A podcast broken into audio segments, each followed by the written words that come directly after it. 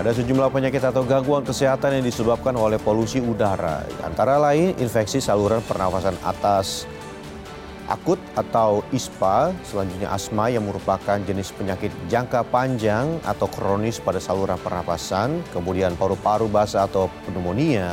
Penyakit ini disebabkan oleh virus, jamur, atau bakteri terhadap sistem pernapasan yang diawali dengan gejala demam, batuk hingga sulit bernapas, Lalu ada bronkopneumonia, peradangan yang menyerang saluran pernapasan dan disebabkan oleh virus, bakteri, serta jamur yang menyebabkan paru-paru tidak mendapatkan suplai udara yang cukup.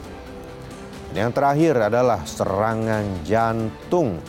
Penumpukan plak pada pembuluh darah akibat menghirup udara yang mengandung polutan berbahaya dapat memicu penyakit jantung koroner. Serangan jantung hingga stroke